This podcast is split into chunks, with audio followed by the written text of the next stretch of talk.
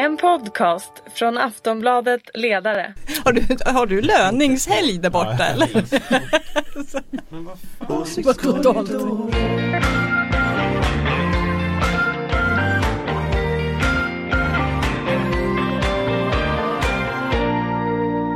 Hej och välkomna till veckans Åsiktskorridoren. Eh, det har gått sju arbetsveckor sedan valet, fortfarande ingen regering. Eh, vad pågår egentligen? Ska vi behöva fira jul utan en riktig statsminister? Jag undrar. Eh, med oss för att prata om det här är Ulrika Schenström, moderat. Yes, hallå. Och från eh, Aftonbladets ledarredaktion har vi Dan Svedin Tackar, tackar. och Anders Lindberg. Hallå. Eh, jag heter Anna Andersson, jag jobbar också på Aftonbladet och när vi spelar in det här ska jag säga är det på förmiddagen den 26 oktober, en fredag. Löningshelg konstaterar vi just. Tjoho! Det märks på stan. Men vi har alltså ingen riktig regering ännu. Men även om vi inte har någon regering så måste vi få en budget och senast den 15 november så måste det läggas fram en budget för kommande år för Sverige. Och här rör vi oss ju nu plötsligt på okänd mark för det har aldrig förut tagit så här lång tid att få en regering på plats. Eh, som alltså då har kunnat lägga en budget sen. Eh, man har sagt tidigare att Löfvens övergångsregering som vi ju har jag tycker inte en riktig regering, jag vet att ni tycker det men inte jag. Nej inte en riktig regering. En övergångsregering tycker jag vi. En, en, en övergångsregering som ska lägga en övergångsbudget har man sagt. Därför att man måste bara hålla skutan Sverige flytande och saker måste rulla på. Och sen har, man, har jag läst mig till att saker som det finns en bred enighet om i riksdagen kan man peta in en, i en sån budget. Till exempel har det pratats om sänkt skatt för pensionärer. Men nu kastade Elisabeth Svantesson handsken här i veckan när hon sa att hon, de ville lägga fram en alliansbudget. Eh, och får de inte fram en alliansbudget så vill Moderaterna gå fram med en egen budget. Det känns som att hon liksom vill tjuvkoppla systemet här och liksom testa regeringsfrågan bakvägen. Är det här ett genidrag eller är det ett stolleprov? Ulrika? Ja, jag funderar verkligen. Ena stunden tycker jag det verkar helt stolligt, andra stunden tycker jag det verkar jättebra. Men jag, är det inte det här eh, möjlighet att Moderaterna går fram med en egen alliansbudget för att ehm, C och L ska kunna ska, ska kunna liksom rösta på den utan att skämmas och sen se vad SD gör. Och, och be dem visa färg så att säga. För då skulle det alltså vara en budget som SD inte hade varit med och petat i överhuvudtaget. Mm. Precis. Eh, Det måste ju vara så, eller hur? Det är nog så de tänker sig men Alltså jag, jag, jag såg att Benjamin Dosa som är MUF-ordförande hade varit ute och föreslagit det här några dagar tidigare och, och hans ambition verkar vara just att sätta press på eh, C och L för att se vart de tar vägen någonstans. Alltså vad kommer ni rösta på? För oavsett, alltså om Moderaterna lägger fram en egen budget och KD och SD då kommer att rösta på den så vinner ju den. Alltså även om C och L följer praxis och lägger ner sina Du känner att röster. man hade velat ha en whiteboard och lite Ja, pilar här samtidigt. Det här är Ja, komplicerat. men siffrorna, men ja. mandaten fördelar sig på det sättet att om C och L följer praxis och säger så här, nej men gör er budget, vi lägger ner våra röster så vinner ju den ändå. Ehm, och det är väl där liksom upp till bevis då liksom. Vad den, det som hela Vill regerings... ni ha ett borgerligt Sverige eller inte? Ja men det som regeringsbildningen sprack på, alltså den här 3 plus 1 plus 2 lösningen eller vad den hette. Det är ju den han gör, eller som Kristersson och Svantesson nu gör fast med liksom ekonomisk politik och testar om Mm. det funkar. Och eh, jag tänker att om en, en liksom den vreden som uppstod i borgerligheten eller i mittenpartierna efter att Kristersson dumpade sina partier medelst Facebook-inlägg. Eh, den kan ju inte vara mindre nu när man liksom går ut och säger att vi ska lägga fram en budget som ju sannolikt inte heller är sanktionerat med de här andra partierna som är med. Det tror du inte? Nej det tror jag inte. Det var inte riktigt intrycket jag fick på de kommentarer som kom från Centern och Liberalerna. Så det, jag undrar liksom alltså, alliansen som eh, politiskt subjekt om det överhuvudtaget existerar Mm. längre.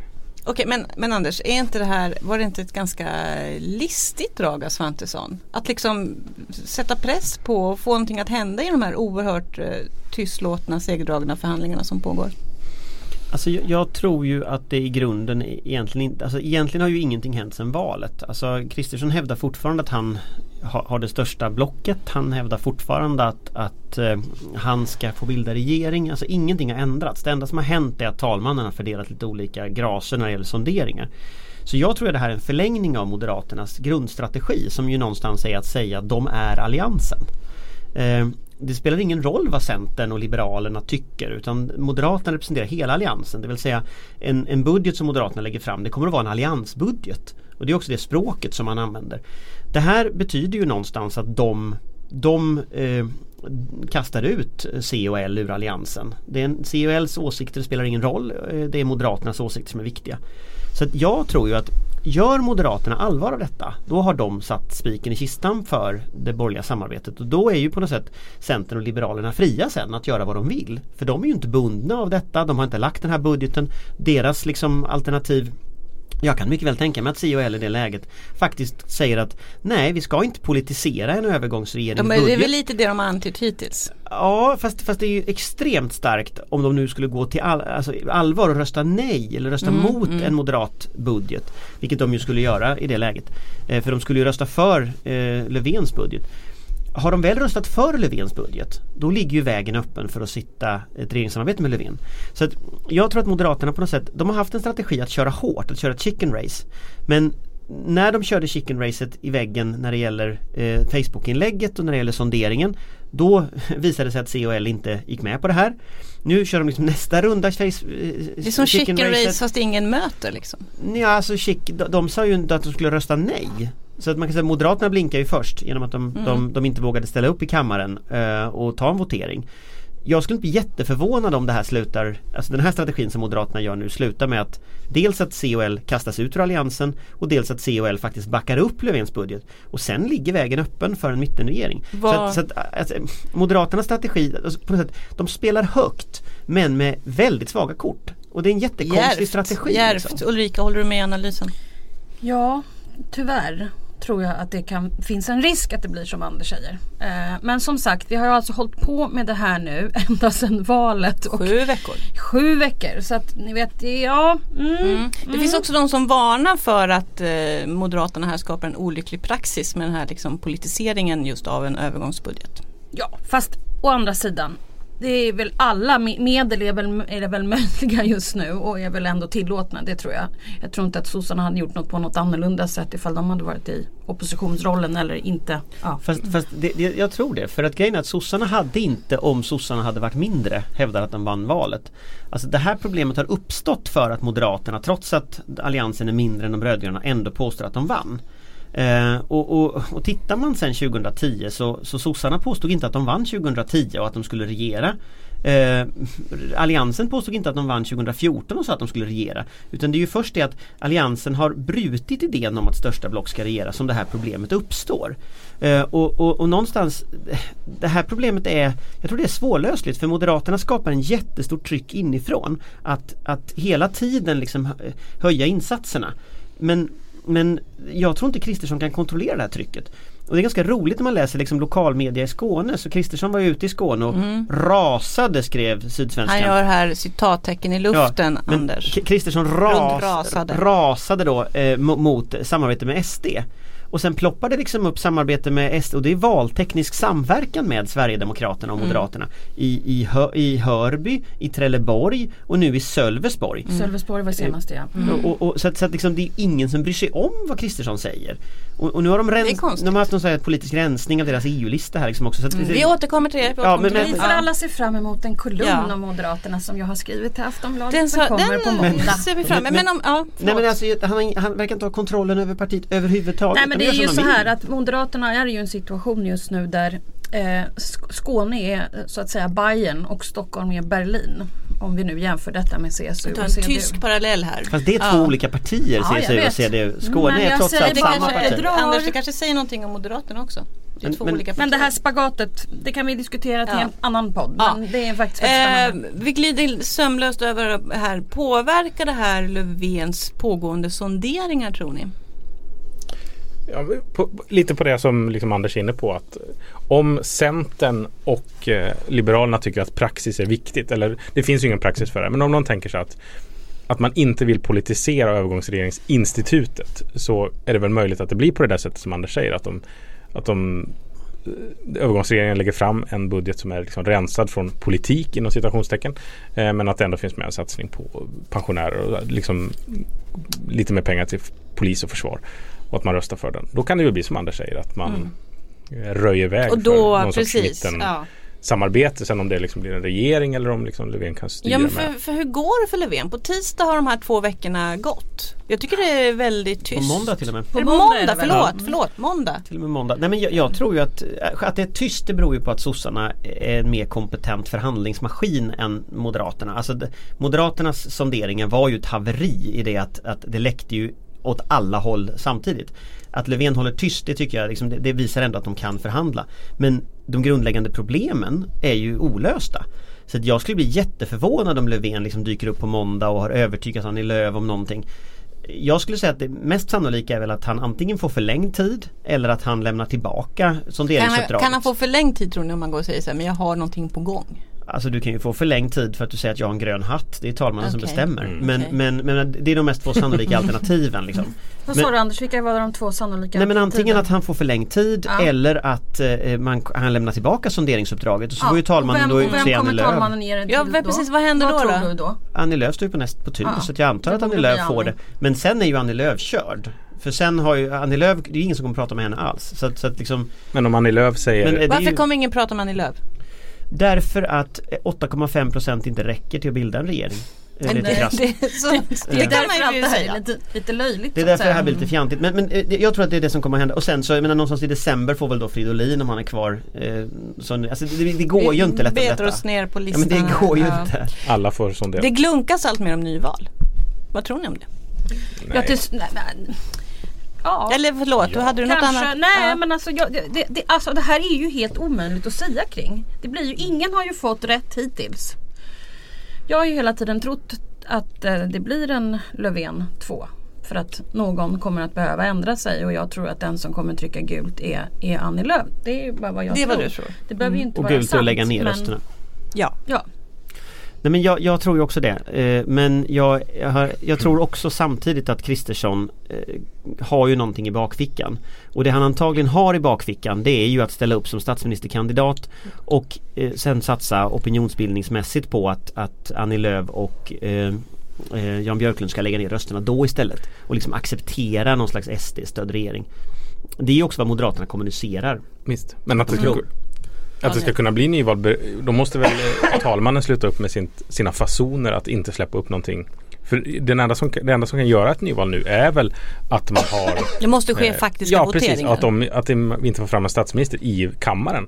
Eh, För Löfven kan ju inte utlysa ett nyval håller, idag. håller talmannen på med fasoner säger du? Ja men det är lite konstigt att jag tänker att det som skulle kunna få folk lite förhandlingsbenägna eller verkligen gö- göra avkall från heliga principer är ju att man faktiskt ser att någon krossas mot kaklet Man, i man, kammaren. måste, ja, Eh, man måste förnedras i kammaren först. ja precis och, och det är bara Det- då vi kan få ett ny. Det är bara så vi kan få ett nyval Mm. också. frågan är bara vem det är som vinner på ett nyval.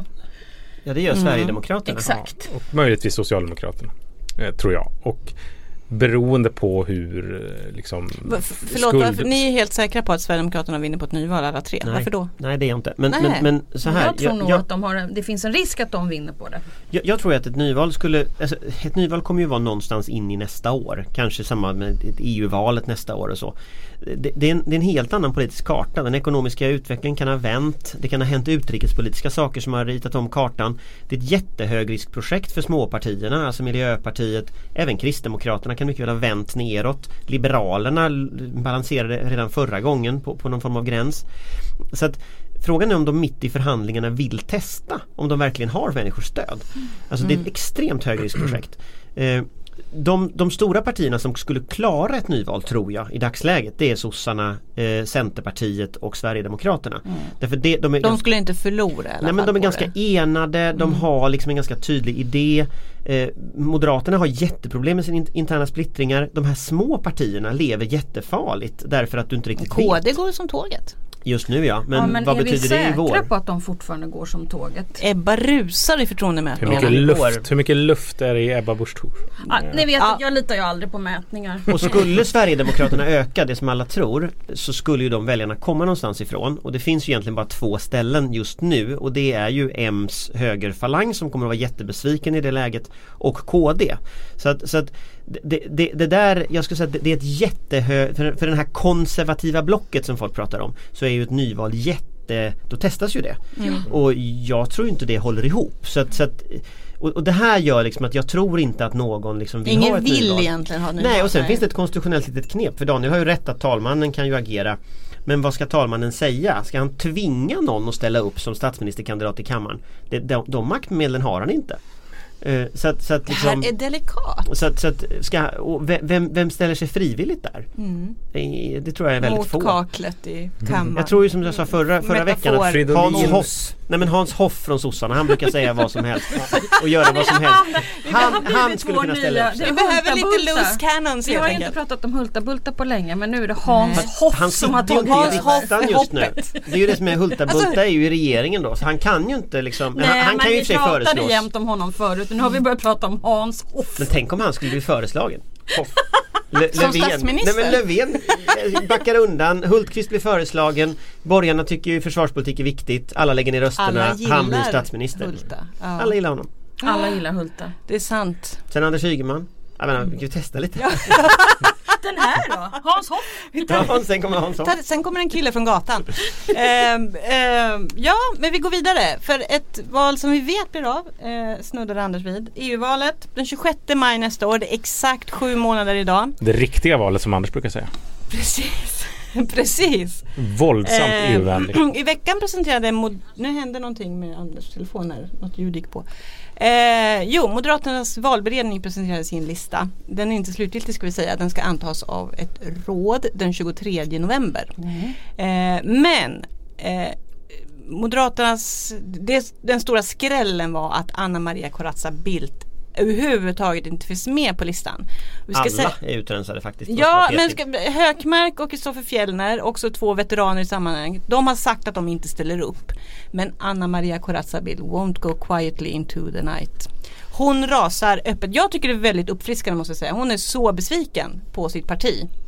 Eh, är inte det här konstigt av Moderaterna? Nu frågar Ulrika här. Jo, det är ju Det är helt konstigt. crazy. Ja. Och jag är ju då också ordförande för det nätverk som är i för moderata kvinnor. Och så att jag satt ju med i den här ehm, eh, Så det är du som har petat henne? Nej, jag har reserverat mig eh, från detta förslag. Eh, att peta henne. Eh, och jag tycker att det är väldigt tråkigt. Så att säga. Och framförallt är det väl kanske så att det är ett litet kulturproblem kanske man skulle kunna kalla det när man petar folk som verkligen vill och framförallt är röstmagneter så att säga. Men är det inte, jag måste, jag måste Och nu har man ju blivit ovän med Karl också till råga på Ja, allt. det här, det här Och så partiet man spricker i fler och fler så här, bitar. I, I Moderaterna då eh, kallar man in Carl Bildt mitt i valrörelsen för att man så att säga har lite problem med, med, med opinionen och man tar in Carl Bildt och gör massor med filmer med Carl och Anna Maria. Ja, han gjorde succéframträdanden han i gjorde Aktuellt succé, och- framträdande Aktuellt och sånt där. Men sen när det kommer till kritan då får inte fru Bildt vara med och leka längre. Men hon ska Tack vara med och, i... tack och hej. Tack och men, men det här, men det här, är det inte ganska... Men varför gör de det? För sagt, hon, är, hon, hon är ju en färgstark profil, det måste man säga. Hon är nog den enda s- som folk vet jobbar i Bryssel som s- s- svensk Och Marita. Ulvskog kanske.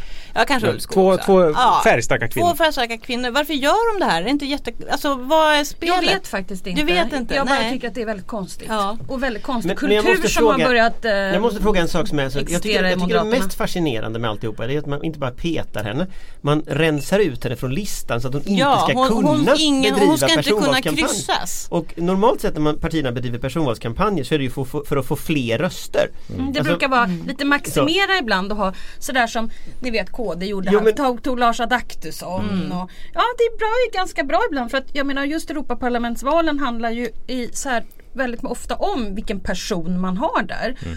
Och i den här valrörelsen så kommer det nog bli ännu mer så eftersom Brexit-frågan kommer bli stor. Vi riskerar att ha en Swexit-debatt eftersom vi har Sverigedemokraterna som väldigt gärna vill ha en folkomröstning.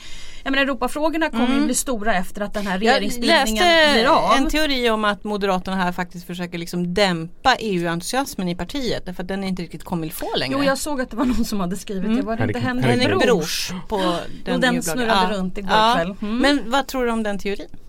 Nej det tror jag faktiskt inte på. Eh, men eh, jag vet inte riktigt eh, hur man har tänkt faktiskt. För att det blir så ologiskt att man inte vill ha någon som kan dra till sig fler mandat så att säga. I. Ja, för samtidigt så måste man säga att de kända namnen som nu istället finns med på listan är Thomas Tobé och eh, Jessica Polfjärd. Inget det- fel på någon Nej, jag av säga, dem. Inget fel. Det är ju det som är grejen. Det är ju inga Men lättviktare. Så det är, ju- begreppet man kan kända inte heller... namn måste jag säga, jag måste Ja. invända mot. Ja, ja. Jag, jag, Men båda är jättetrevliga men Jo, det är men ingen också- som har hört talas Nej det är sant. Men man kan säga att de har ändå haft ganska tunga uppdrag i partiet. Jo men Alltså, det är det inte det de bryr sig om i Bryssel. Thomas, Thomas Tobés uppdrag har väl blivit lättare och lättare ju längre tiden har gått. Och nu, och nu men, men man kan inte lättar han till Bryssel. riktigt säga att det är ändå en avstjälpningsplats, Bryssel. Alltså Ja, med fast- de namnen. Jag tycker att det är inte det? väldigt, väldigt viktigt att ha väldigt framstående personer där faktiskt. För att det är ju ett helt annat system att ta sig fram i. Men blev man inte lite tagna på sängen av att Hanif Bali tackade nej till valberedningen ville ju tydligen ha honom Mm. och då sa han ju att, för han, är- han är ju trots allt en kändis, han finns på Twitter och twittrar jättemycket. Eh, han, Katarina Janouch ungefär, hon fick ju jättemånga röster på Twitter. Nej men nu, hon är inte en kandidat här. Nu går vi vidare. men han, han tackade vänligt men bestämt nej eftersom han fick så pass många, han blev ju inte personvald men han fick Han fick jättemånga- många kryss. Många han kryss. fick näst mest förutom Ja. Kristersson va? Eh, Typ 2000. Ja. Det är ju pyttelite. Ja, men ändå mer eh, än, mång, än Thomas Tobé till exempel.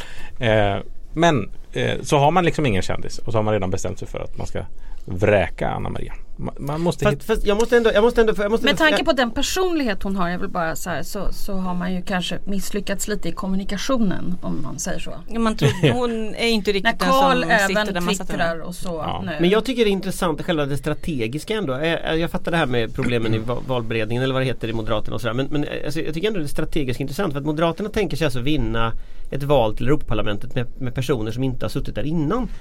Och som det är just nu så, så rensar man alltså ut hela gruppen. Varenda moderat som har ett riktigt uppdrag åker ut. Det här är ju folk som har ganska lång erfarenhet och i Bryssel just så, så, så är det ju personkontakter som avgör vilket gör Erfarenhet att är erfarenhet viktigt. Ja, tid är viktigt. Och här plockar du då in människor som har ett tungt parti-CV men inget riktigt CV. De här människorna har ju inte haft några riktiga uppdrag. Alltså i staten eller liksom de har inte varit utrikesminister eller de har inte varit den här typen av saker. Det är ju sånt som krävs i Bryssel. De skiter ju om de har varit gruppledare i någon, någon, någon riksdag. Eller ett liksom, sidoparlament Ja men det är väl ingen som bryr sig om det liksom. Eh, och, och nu, nu ska de då, annex ja men sorry, det är ju så man ser på det i Bryssel. Därför att resten av människorna där nere har ju varit gamla utrikesministrar. Och de ser liksom, det här kommer någon tomte som har varit ordförande för ett riksdagsutskott. Ja, det var ju Fru kul för dig. Bildt som då är italienska och, och, Mm, en otrolig med en tidigare statsminister som är väldigt, väldigt, väldigt, väldigt intresserad av Europa och utrikesfrågor och är väldigt känd i Europa och utrikes. Ja och och dessutom fick tar sig ju 17 naturligtvis mandat. fram enklare så Nej men hon, hon fick ju 17 mandat, eh, 17 procent av kryssen också för Moderaterna. Det är ju kryss man säger hej då till om man slänger ut henne. Så att, så det, det känns lite som folkpartisterna när de skulle rensa folk hit och dit och kastade ut Birgitta Olsson och liksom Alltså du kastar ut dem som någon har hört talas om och sen sitter du till slut med liksom, du blir ett mindre och mindre och mindre och mindre parti där alla är jätteöverens och ser likadana ut liksom. Men, men om de vill vara ett stort parti Moderaterna och glöm inte att förra EU-valet kom de på tredje plats efter Miljöpartiet. Så, att- så att de har det ju är ordnad Tobé.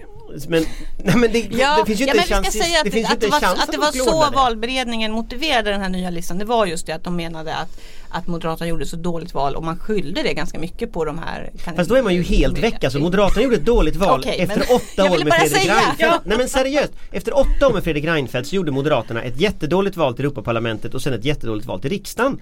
Eh, det, det har väl antagligen inte så mycket med vilka som ställde upp i de här två valen som att det var åtta år med Reinfeldt som Säg- säg det till Moderaternas här valberedning. nu För en kolumn som kommer på måndag här Men, i men, men jag, jag, jag vet inte, vad, vad, du som vet allt om ditt parti då Ulrika Vad, vad kommer att hända på det här partirådet? Kommer det bli något så här roligt krig? Jag vet inte vad det heter, Rosnars krig heter det inte, vad heter det Det riskerar ju att bli Damaskernas lite krig. som vi brukar säga dålig stämning. Ja för som sagt Ja men spelar det eh, någon roll? Anna Maria Corazza Bildt är väldigt tydlig med att hon tänker inte ge sig. Hon tänker kampanja förstår man liksom internt i partiet nu för att få behålla sin plats. Men går det ens i Moderaterna? Alltså det är ju toktoppstyrt Inte Ja jättetoppstyrt om får man tittar på. Skåne. Alltså får man Carl Bildt emot sig så det skulle jag ju inte vilja ha faktiskt. Helt ny liten fraktion i, inom Moderaterna. Anna Maria Corazza Bildt och hennes man. Jag skulle vilja veta vad Ulf Adelsohn tycker. För har man honom också på Corazza-sidan det då... är väldigt bra att Ulf Då- med sig för då, då- blir det, då blir det åka av Ja. så att säga.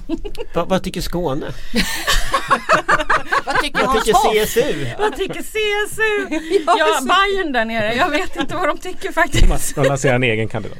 Men jag ska sondera. Det här är inte den sista gången vi pratar om fru Bildt, eller hur? Nej, det hoppas jag verkligen det Jag ska sondera, Okej, jag ska ja, sondera. När är det skarpt läge? Liksom, när röstar det där? Vad heter det? 23 Partirådet? November. 23 november November. får vi veta. Vi borde också, kanske inte i det här avsnittet, men vi borde också prata om vilka, för Marita Ulvskog också färgstark Ja, jag tänkte bara jag slänga in det som, är, är, det, är det fler konvulsioner att vänta i andra partier? Vet vi så mycket om det här ännu? Jag Det, vet jag, absolut tror att det var ganska många, jag såg någon sammanställning av de befintliga eh, ledamöterna. Det var nog ganska många som ställde upp till omval tror jag. Ja. Men inte Marita Ulvskog som du och, säger. in, och inte Olle Ludvigsson som också är Också senior. suttit länge. Ja, Ja. eller ja, är till åldern. Men det är ju lite Gång. tråkigt att Marita slutar tycker jag för hon är cool. Ja, verkligen. Men eh, vi får se. Det kanske Ja, blir vi, får se. bråk Vi, vi återkommer helt säkert till eh, EU-valet. Det är roligt. Selling a little or a lot? Shopify helps you do your thing however you cha-ching. Shopify is the global commerce platform that helps you sell at every stage of your business. From the launch your online shop stage to the first real life store stage, all the way to the did we just hit a million orders stage. Shopify is there to help you grow. Shopify helps you turn browsers into buyers with the internet's best converting checkout. 36% better on average compared to other leading commerce platforms because businesses that grow grow with Shopify. Get a $1 per month trial period at shopify.com slash work. Shopify.com slash work. Eh, vi avrundar veckans program med att säga hej då till en annan profil inom svensk politik, nämligen Gustaf Fridolin som meddelade i veckan att han slutar. Eh, han skulle ha gjort det ändå men han slutade lite i förtid, ett år tidigare än han hade behövt om jag förstått saken rätt. Eh, det känns lite konstigt att säga om en 35-åring men vad kommer han att bli ihågkommen för i svensk politik? Ja, nej men jag tror inte att han... önskar honom ett långt liv ska vi säga. Han kommer att bli död. ihågkommen för sin storartade insats som landshövding i Norrbottens län som inträffar om 30 år. Eh, det kommer han att bli ihågkommen för. Jag tänkte alltså det är ju Mot slutet av lite, sin han kommer karriär. väl inte bli ihågkommen som utbildningsminister? Nej, nej, det tror jag inte. Det ska han vara glad för. Jag tror att han kommer bli... Jag tror inte att hans liksom, sejour i svensk politik är slut. Jag tror att han kommer vara minister någon gång i framtiden också. faktiskt. riktigt? Ja, det tror jag. Eh, jag tror att hans... Det han kom, om, och om han inte blir det så tror jag att han kommer bli ihågkommen för att hans, att hans två ganska intressanta miss, eh, strategiska val som tar ut varandra. Dels den här tesen som eh, Maggie Strömberg driver i sin bok om Miljöpartiet att liksom, nu ska vi Vi blev som de andra. Ja liksom. precis, Mm. att vi ska bli regeringsfähiga och vägen till regeringsfähighet går eh, genom att bli överkörd av Socialdemokraterna. Sälja ut allt. Eh, och då kommer liksom borgerligheten kunna lita på oss så då kan vi någon kanske styra med dem någon gång. Och sen kommer sossarna styra med oss någon gång i framtiden också. Dels det att det vi får ju se hur det går med det men han har tagit, hans parti har tagit jättemycket stryk. Och sen det andra strategiska eh, vägvalet är ju att han har gjort eh, Miljöpartiet jättemycket till ett migrationsparti snarare än ett miljöparti. Vilket ju blev ganska dåligt när året 2015 kom med liksom de stora De var ganska med- hårt surrade vid den masten. Precis. Eh, och de två strategivalen eh, cash, ja, det klickade in ganska snabbt för honom att han eh, han fick ta mycket stryk. Men sen är väl också det intressanta tycker jag med Gustaf Fridolin som politiker. För jag, jag gillar honom som politiker. Han är liksom en blandning av aktivist och politiker. Men jag tycker det här att han tog en, en utbildningsministerpost det tycker jag var en fullständig katastrof. Och det där var en utveckling som fanns i, bland gröna i hela Europa vid den tidpunkten. De gröna i Tyskland provade också det här att de skulle bli ett stort parti. Man skulle liksom ta över som det stora vänsterpartiet. Eh, istället för Socialdemokraterna. Det där slutade med att ingen tänkte på dem som ett miljöparti. Men, men när de går liksom back to basics till miljöfrågan. De har liksom den största frågan i vår tid som sin partifråga. Och så byggde de inte sin, sina, sina kandidater, sina personer på det. Och det där förstod jag aldrig och det tror jag att det var ett grymt misstag att de inte såg ut att få liksom energiministerposten eller infrastrukturministerposten eller något sånt där istället. Eh, Och det där har ju med den här breddningsstrategin att göra. Så att jag tror ju att deras strategi borde vara en krympningsstrategi istället. Att gå tillbaka till miljöfrågan, klimatfrågan. Back to basics, back till vad Miljöpartiet egentligen är. Eh, och jag tror ju de här som säger nu ska Miljöpartiet gå åt höger eller Miljöpartiet ska gå åt vänster. Jag tror det är ganska korkat. Alltså de borde gå tillbaka till det som är liksom Miljöpartiets kärna. Men kan det För det är liksom att, han, den stora att frågan. han slutar eller meddelar sin avgång eh, Kan det påverka den pågående regeringsförhandlingen? Spelar det någon roll liksom? Nej, det tror jag det inte. som händer just nu? Men, men så här, jag, tror, jag tycker mig ha kunnat se att, att han har varit på väg ganska länge. Kommer du ihåg Anders när du och jag skulle kommentera Aftonbladets partiledardebatt och du och jag skulle kommentera efteråt? Då tittade vi, det var den Vagt. som var nu, ja men cirkus. Eh, Ja just det, ja. Mm. Då var det ju så att han, han blev lite apart i hela debatten. Därför att de andra hade något samtal och en dialog och sen helt plötsligt begärde han ordet hela tiden och då började han prata om planeten. Och det är inget fel med att prata om planeten men om alla andra är här borta och pratar arbetsmarknadsåtgärder eller svensk ekonomi eller migration integration och han tar taktpinnen mitt i en diskussion och lite gräligt sådär och han börjar prata om planet. Alltså, jag tror inte riktigt Det ja, lirar inte Jag riktigt. tror att han Ja, jag tror han har varit på väg bort länge. MP är dessutom ett extremt demokratiskt parti fortfarande. Alltså det, besluten tas av medlemmarna på de här, jag vet inte, det heter inte kongresser tror jag. Det Jo, kongresser. det är kongresser. Ehm, så att om liksom MP ska gå till höger eller vänster avgörs ju till slut av medlemmarna i någon mening. Eh, ja, men jag tror absolut inte att det finns någon, någon önskan hos Miljöpartiet. Alltså det som skulle vara bra för oss är att vi närmar oss Moderaterna eller liksom Folkpartiet i synen på arbetsmarknadsåtgärder eller, eller inkomstskatterna. Utan det är just liksom tillbaka till det som är våran, vad gick vi med i det här partiet för? Eh, och då handlar det väl om planeten eh, faktiskt. Det hamnar vi där då. Sen tror jag en annan sak som de har tappat bort under de här åren det är fredsfrågan. Eh, Miljöpartiet har ju en försvarspolitik som jag avskyr men de lyfter ju intressanta frågeställningar kring nedrustning, kring mänskliga rättigheter, kring kvinnors roll i konflikter och sådär. Som Socialdemokraterna också gör men som, men som Miljöpartiet har lite varit talespersonen för i svensk politik. Det har ju de släppt de senaste åren. Fredsfrågan är otroligt ute. Den är helt ute. Ja. Och, och det, det, Det var det där- ryssar i Jo, Lidingö igår. Jo, jag har väl i högsta grad själv, själv bidragit till detta med, med ryssar och ubåtar och annat. Men, men någon borde ju rimligen hålla liksom den fanan i politiken och nu gör ingen det. Och det, och så det finns ju en fredsrörelse som inte gillar Vladimir Putin. Eh, du behöver ju inte gå liksom och hamna i knät på liksom någon rysk ha, Fast man målas diktator. ofta in i det hörnet. Men hörni, Det beror på vad man gör tror jag. Om man till exempel tycker kärnvapennedrustning som Sverige var väldigt bra för förut. Det kan man tycka. Eh, Ryssarna har mycket kärnvapen så då kan man mot dem. Det är inga problem liksom att, att, att vara det. Eh, Ulrika. Men vem blir det då? Ja, och jag Var är, också, var är de på väg? Blir det Daniel Heldén?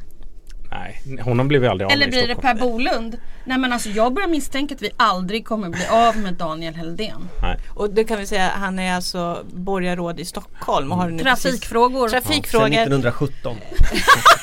Det känns så. och med eh, kanske inte, han kanske inte gick helt hem i det moderata Stockholm. Nej. Men han har visat Nej. väg då för den här blågröna Ja, eh, precis. Nej, grönblå just är det de kallar det. Ursäkta, Ursäkta, ursäkta. ursäkta. Är inte en alg grönblå alger? Jo, de är Men- inte bra.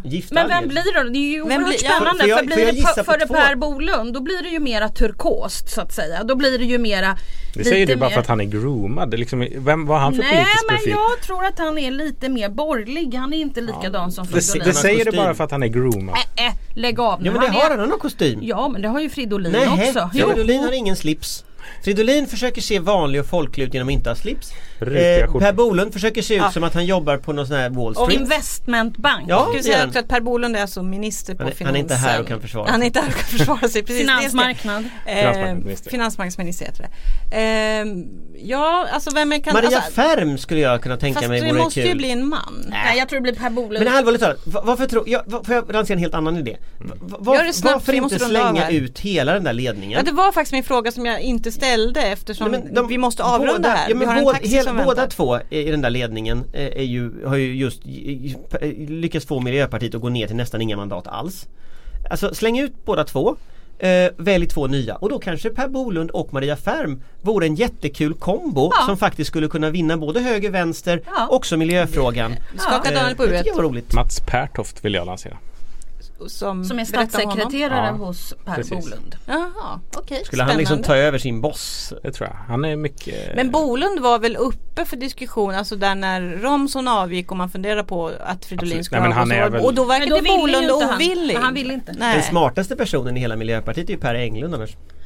Han är Engqvist. smart. Per Engqvist ja.